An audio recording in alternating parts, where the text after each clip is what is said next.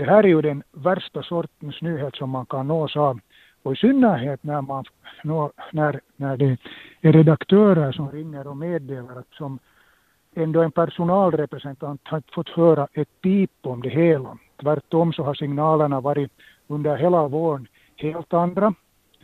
Vi har anställt folk, vi har utbildat folk på lång sikt och eh, det har under julen Eh, på våren så har det satsats pengar i ny automatik i våra rörlinjer och sen det här. Så det är ju egentligen ett, eh, det är ett hån mot, mot arbetstagarna.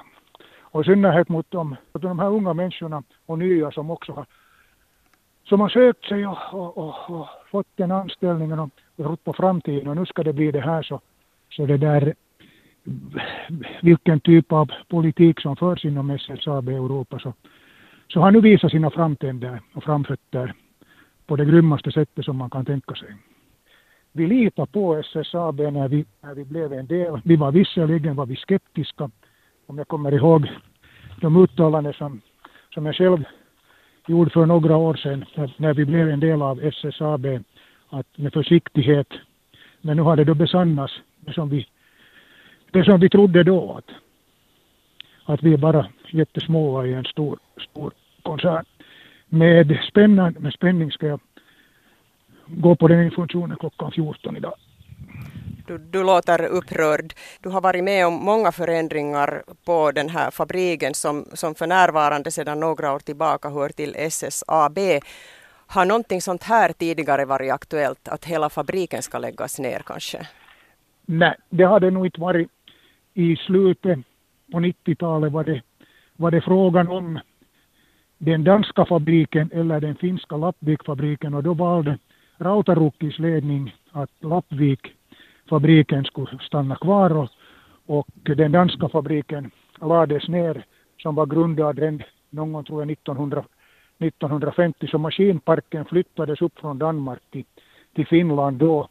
Men det här, är, det här är ju liksom jättetassigt för att om man ser, ser på hela orderstocken hur den har varit den här våren och ser ut att vara det har bland annat i de våra tunnväggiga rörsidan så har man plockat in till och med extra skiften. Därför har de här anställningarna bara varit så att eh, nu försöker man, det är svårt att säga när man vet det här bakgrundsmaterialet på vilket sätt man försöker koncentrera det närmare Tavastehus och valsverken och det hela. Det är, en, det är en strategisk mätning säkert av det.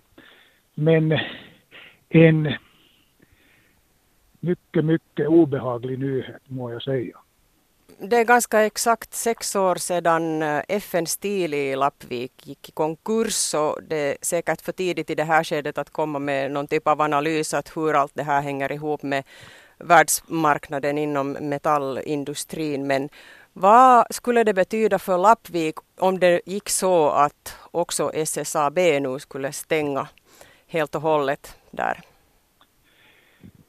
Det är över 100 arbetstagare plus tjänstemän. Det är kringservice, företagare som kör material, pendel, Lappvik, Tavastehus.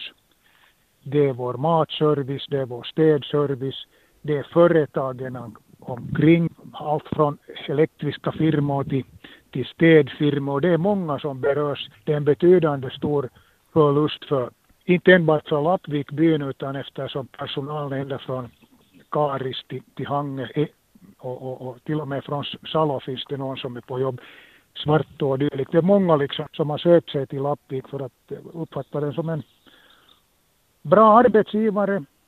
Den här, folk har stannat i regel i många år. Alltså att någon som har stannat 30 år så är ingenting. Så har man ju skrutit med med, med Lappviks andan i, i, i många tal att eh, vi har varit flexibla, personal har varit jätteflexibel och eh, det som är det kanske det där tragkomiska i det hela att en förfrågan till de förtroendevalda och personal har varit hur ska vi fira Lappvikfabrikens 50 år i nästa år.